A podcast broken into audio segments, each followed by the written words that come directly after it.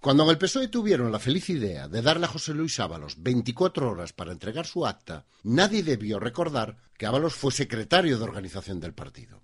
De todos los especímenes que uno puede encontrarse en política, ninguno tan letal y resistente como los secretarios de organización. Hay que ser un depredador implacable para imponerse en la jungla orgánica. Antes del límite, Ábalos solo tenía una cosa para negociar, su acta. Ahora tiene dos, el acta y el cronómetro. Les va a sacar el máximo partido antes de hacer de cortafuegos. A Coldo García lo nombró él, nadie le obligó. Puede que no haya hecho nada ilegal, pero sí políticamente responsable. Y la responsabilidad política debe ir antes que la penal. Es lo que diferencia un político honrado de un político corrupto.